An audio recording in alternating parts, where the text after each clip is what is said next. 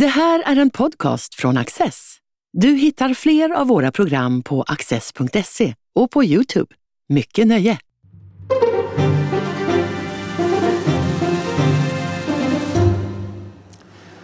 Varmt välkomna till Studio Access and a particularly warm welcome to Anthony Beaver, military historian, who has just published uh, a book, Russia, on the Russian revolutions of 1917 and the following civil war. It's great to have you here as a guest. Um, It's a great pleasure to be here. talking about war in Russia and, and partly in Ukraine for that matter, it's very difficult to avoid the present situation uh, Of in, in the region. A few days ago, uh, Vladimir Putin announced uh, the mobilization of another 300,000 troops to be brought uh, to the Ukrainian war. What difference would that make? I don't think it will make a huge difference uh, from the point of view that they have, haven't got the equipment, they haven't got the uniforms. Um, it's much more of a, of a gesture. Um, and anyway, most of them are virtually untrained, if not completely untrained. So they can't send them straight into battle like uh, uh, cannon fodder or meat for the cannon, as the great Russian phrase tends to go. That happened in the Second World War with the Red Army as it advanced through what they call Western Belarus and Western Ukraine, which actually had been part of Poland before, where they literally just seized people off the young men off the road or off the street um, and force them into their ranks to fight. So we are seeing a, an air of desperation uh, in that particular way. Um, so all of these remarks of Putin's, which are supposed to frighten the West and NATO and all the rest of it, uh, and to add I am, phrases like "I am not bluffing," um, rather undermines his own attempt, if you like, to frighten us. I think. Might this move even weaken the Russian side? I mean, 300,000 undisciplined soldiers, badly equipped, uh, that could be a, Yes. a great problem. Oh, it could be a huge problem, and some people say that actually they're planning on a million. But I mean, um, how long is it going to take before you reorganize an army with a million men during that period? And things are happening very fast. I mean, we are at actually at a fascinating moment of whether we are going to see the disintegration of the Russian army or whether there is the possibility that they can somehow re-establish order. Um, in the past, with the Red Army, as we saw in the Second World War, they could recover from disaster in a way which surprised many people. Um, but it's not the same as the Red Army. I mean, Putin's army is undermined by corruption, incompetence, by a whole series of things, and above all, by bad morale. You know, the idea are we really fighting for our country or are we fighting for Putin? And this idea is spreading very, very rapidly. So we may even see, and I mean, all one can do is offer a sort of menu of outcomes and possibilities. I mean, we may even see Putin being removed, not by demonstrations on the street, um, but by perhaps even more extreme um, ethno nationalist Slavs um, around him. I mean, uh, Prigozhin, uh, Patrushev, you know, we could see somebody like uh, one of those two uh, persuading Putin to stand down, maybe to retire to his palace on the Black Sea. Um, and, um, and then a change. But any form of change is obviously going to weaken their position uh, right from the start. Uh, and that might encourage more internal dissent uh, and perhaps even more trouble with generals or with the FSB. So, shall we say, the possibility, um, it's, it's slightly like a pinball game. A lot of it will depend on where the direction which things bounce, bounce off rather than anything else. Militarily speaking, what are the worst mistakes that the Russians have done? Well, what's interesting about Putin in many ways is he's repeated mistakes from the Second World War.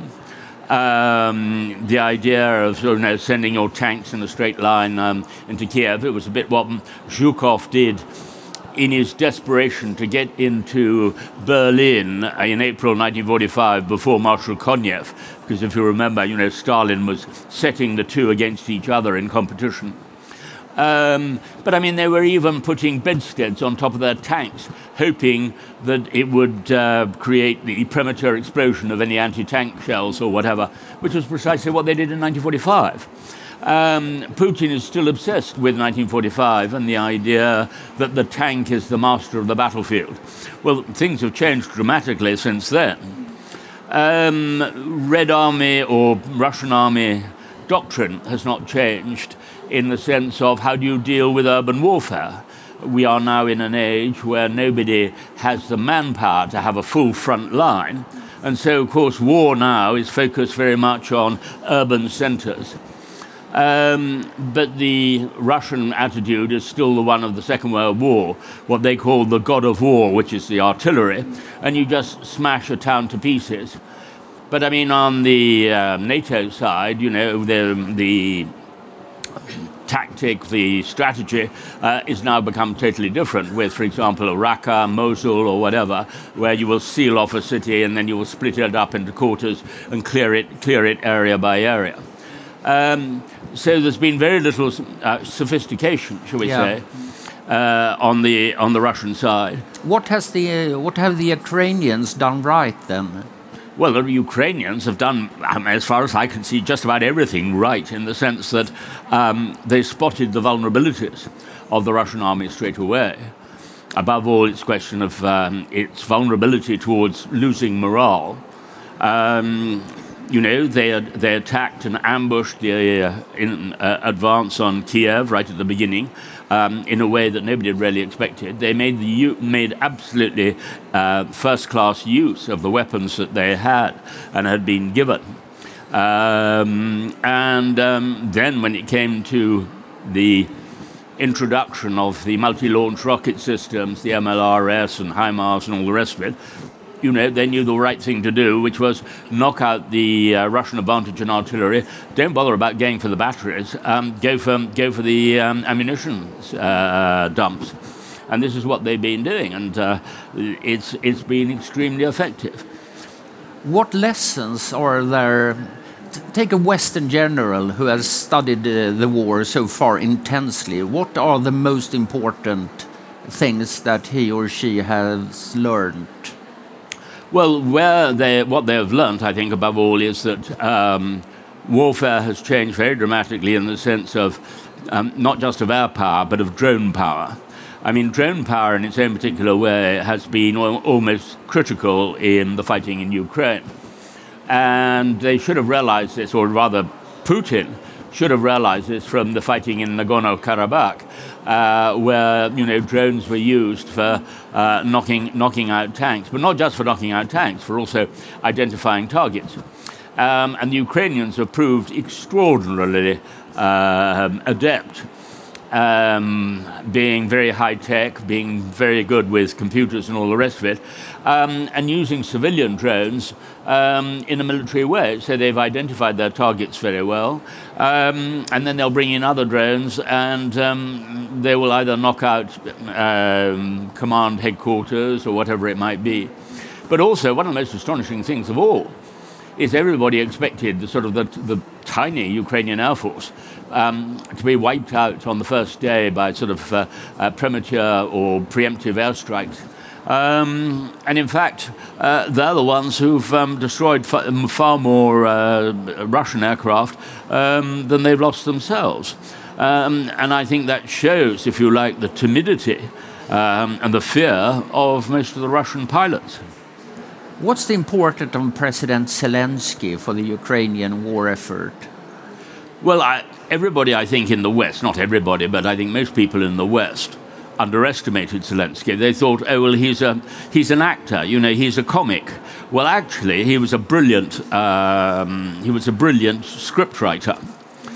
So, I mean, in fact, uh, with his series of uh, about this prime minister and um, and so forth, I mean, he's actually written many of his speeches in advance, well before the war. I mean, they're there in, they're there in his scripts. He's, he's extremely clever. He's got a very good idea of uh, priorities. Um, the only problem area, I think, might be the whole question of Crimea. Zelensky is, I think, so angry about the atrocities committed on, Ukraine, on Ukrainian soil by the Russian army, that he's not going to let them get away with anything. I think at an earlier stage, he might well have been in a position, perhaps, say, to have threatened Crimea, but then to have used that as a bargaining chip if it had ever come to negotiations.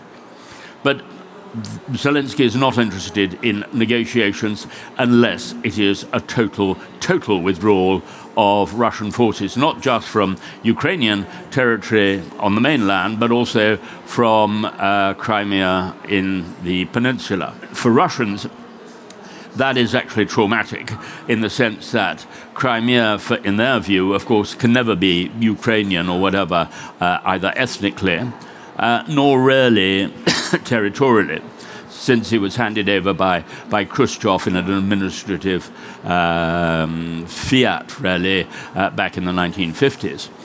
Um, but in their view, I mean, in the Russian view, especially Sevastopol, the idea of the Tavrichesky, the Tauride provinces, uh, the whole idea of sort of Sevastopol as a symbol of Russian naval might in the south, um, the idea of losing that would be I think, sort of a, a fundamental uh, disaster uh, psychologically and all the rest of it. But I think you'll find that Zelensky will not weaken on that particular point, because as far as he's concerned, the Russians have brought it on themselves, and they deserve to lose that and, um, all of the territory they may have occupied in uh, in Ukraine. So, so what end game do you foresee in that uh, respect? Well, the um, I, one can offer a menu perhaps of all the different possibilities, if you like. I mean, one of them is a couple of them. Uh, well, a couple of them. One of them, uh, one of them, of course, would be um, the disintegration of the uh, of the Russian army, and I mean, basically, almost fleeing across the frontier in, into Russia itself. Um, maybe accelerated, uh, maybe accelerated, of course, by uh, uh, you know the attacks behind. it's much more a question of what happens in Moscow. Uh, whether um, Prigozhin uh, or others, you know, actually sort of push uh, Putin out. I don't, he won't, I don't think he'll be brought down by street demonstrations. It's not going to be a sort of Euromaidan or anything like that. Uh, but on the other hand, they will be so frightened of that that that's why um, they may say to Putin, listen, you should get out of the picture. Rather like in Soviet days, you know, if there was a scandal about some sort of prominent minister, um, he was always sent off to a sanatorium, usually in the Crimea, um, to keep him out of the way while decisions were made and, and sort of new announcements. I mean, that was the old Soviet way of dealing, dealing with an embarrassment. Um, whether they follow that sort of uh, formula for dealing with Putin, I don't know, but it will be uh, uh, quite interesting if, to see that that one is, uh, is repeated. But um, the other thing, of course, is that they may be encouraged in this by pressure from Beijing, by uh, President Xi.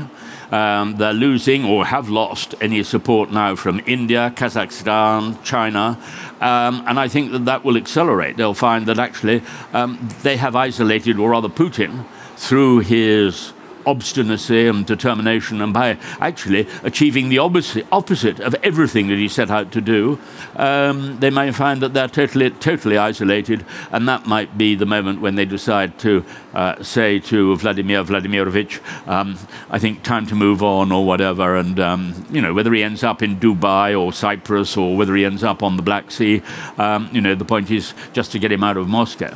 Um, but again, as I say, you know, these are all different yeah. possible scenarios. Absolutely. And I think we should sort of be ready for um, any of them. Let's move back in time. Yes. Uh, yes, a century, a century plus even, uh, to early uh, 1917. Mm -hmm. um, I, I, think you, uh, you phrase it um, approximately like uh, you had to be blind to see that there was to not see that there was a revolution in yes. the making in Russia. Absolutely. And why was that? Well, although some optimists um, of, shall we say, of the right, uh, thought that you know Russia's economic progress just before the First World War was extraordinary. I mean, it was pretty superficial. I mean, it was still railways and industry and all the rest of it. But as far as the general economy was concerned, and especially as far as the rural economy was concerned, um, not very much was happening. Uh, and that, from that point of view, um, the only thing which could have made life worse for the average peasant or industrial worker uh, in those days was a European war. And sure enough, that is what came, came along. Um, you know, to what degree Rasputin, if he hadn't been stabbed, uh, might have been able to persuade the Tsar not to enter the war and all the rest of it. Well, I mean, there one's into the, the counterfactuals of history, which I prefer to avoid. Um, but once they were into that war and uh, they were trapped, uh, I think there was no doubt the only question was would the revolution come during the war or at the end of the war? Um, well, of course, as we know, it came during the war um, because there was no way after that uh, winter of 1916, early 1917. Um, that soldiers were really prepared to go on suffering in the way that they were uh, at the front. And as soon as you get this um, genuine revolution, if you like, uh, but unexpected. I mean, not pre planned in any way. In February 1917 in Petrograd, um, then things could all roll on from there. I mean, the Bolsheviks weren't involved at all. Lenin was in Zurich, Trotsky was in North America, Stalin was in exile in Siberia. Um, any of the members of the uh, Bolshevik Central Committee um, never expected or thought that actually it would peter out after one or two days as soon as more food was available. I mean, talking about the individual in history, the, the, ah, Ukra yes. the Ukrainians have Zelensky. The Russians had Tsar Nikolai II. Uh, mm -hmm. Who was he?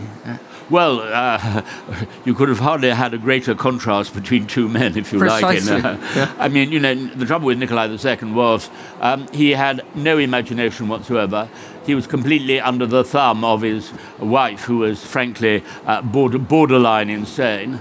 Um, and, you know, what, what, what what sort of uh, worse combination could you possibly imagine at the time? Um, and this is one of the reasons why, when the revolution took place in February, um, nobody really lifted a finger, um, even from sort of loyal Tsarist no, That's a very striking thing. There yeah. was no counter-revolution at the time no. at all. Well, apart from, from apart from Krasnov's Cossacks at uh, Gatchina, just outside just yes, outside yeah. Petrograd, which was more of a gesture than anything else. Mm. Um, there wasn't. It, it wasn't until later on when you start to get um, the uh, Junkers, the young sort of officer cadets. But I mean, those who were actually serving in the Tsarist army um, did nothing. It was a state of total apathy. And I think that's an important uh, element that one must remember. You know, most revolutions take place not through then necessarily the activists, but through the apathy of the majority. I mean, there are two revolutions, or maybe one revolution and, and one a coup d'etat. And a coup d'etat, precisely in, in yes. 1917. But after the first, the, the Tsar abdicates uh, yes. after after some time, and there is sort of an interim government formed by uh, with Prince Lvov. Uh, Prince Lvov, the and then later Kerensky. And yes. then Kerensky, yes, and they were very much against the autocracy. Uh, Kerensky yes. and Lvov uh, but they uh, insisted on uh, um, remaining in the war. Why yes. did they do that? Because well, that but, really but, strengthened the, the, the, extreme left, didn't it? Well, of course it did, and yes. you're quite right. This played straight into Lenin's hands. Um, the problem was that, you know, A, Russia was receiving and had been receiving huge uh, subsidies from France. So the pressure from the French was intense. The one thing they didn't want to have, and when one must remember, there were mutinies in the French army after the Nivelle offensive. The French were very nervous indeed. Um, they were also very nervous about the idea of a revolution in Russia because so many uh, French had invested all their life savings in Russian bonds. But far more important and far more precise at this particular stage um, was the idea that, um, you know, if the Germans were able to move all their troops from the Eastern Front to the Western Front before the Americans joined the war, then the British and the French would be at a major disadvantage. So, from that point of view, the, um, uh, it, was, it was a perfect thing for Lenin to come up with his three great lies. One was the lie to the peasants promising them land and liberty and they could take over the land and all the rest of it. But of course, he had no intention of ever allowing that. You know, it was going to be collective farms in the future. The state was going to control everything. Uh, the other one, of course, was the uh, workers in the factories, but you know, the Soviets were going to be controlled from above, not controlled or voted from uh, from below. Um, and the third one was promising the soldiers peace, um, when actually he intended to convert the imperialist war against Germany and Austria Hungary um, into an international or European civil war. So it was actually, and this is where you're quite right about the individual in history or the great man theory of history yeah. or whatever one wants to call it. Without Lenin, and without his astonishing sort of ability to see the weakness in other people's positions, and the way that even if you have to suffer a total humiliation, as they had to in the Treaty of Brest-Litovsk with the Germans in March 1918, um, I don't think that the Bolsheviks uh, or the Soviet system necessarily would have come to power. As you say, I mean, Lenin and Trotsky, they weren't even in the country when the February yes. Revolution uh, took place. Mm -hmm. And uh, well, they arri arrived uh, uh relatively soon after. Uh, but they were still a very much a minority uh, yes. faction. Nine months later, they, through this coup d'etat, they managed to grasp power. So, how did they increase their strength to that well, it uh, was, degree. Well, it was basically those three lives of Lenin, okay. you know, which made all the difference. It was during that key moment of the late summer, early autumn, that suddenly numbers of those joining uh, the Bolshevik Party became huge. But only really in particular areas like the cities, the industrial cities of North Russia, and so forth. Uh, not in other areas, um, where often, you know, the Bolsheviks were hated and feared. So this is one of the reasons why that was really the, marked the start of the Civil War, when you know Lenin and the foundation of the Cheka in December 1917, um, when Lenin realized that, or felt convinced uh, that to win the civil war, they had to start using terror um, against their potential opponents, uh, because he knew about this thing about apathy. If you can, if you can frighten the majority into um, into doing nothing or not opposing you, um, then you were three quarters of the way there. I have learned about the Russian Civil War, but when I, I read your book, I realized it's much more the Russian Civil Wars there's an number of, uh, of even conflicts. an international one. Yes, exactly. yes, uh, going on. Uh, there, there is fighting in the north. There is fighting in the Ukraine. Siberia. The, the Whites are in Siberia. There are forty thousand Czech uh, prisoners yes. of war sort of drifting around in the country, and uh, uh, and there are Poles there. The Japanese are in these. There yes. are Chinese recruited into yes. the Red Army. It's a, it's a proxy it's, world war. Yes, it's enormously complicated. So, was there a red side and a white side? Well, if you like, the Civil War created the red side and the white side. I mean, the whites yeah. were a strange combination, uh, an almost impossible combination, really, of reactionary czarists. Um, officers, you know, who, who believed in um, taking back any of the land seized by the peasants.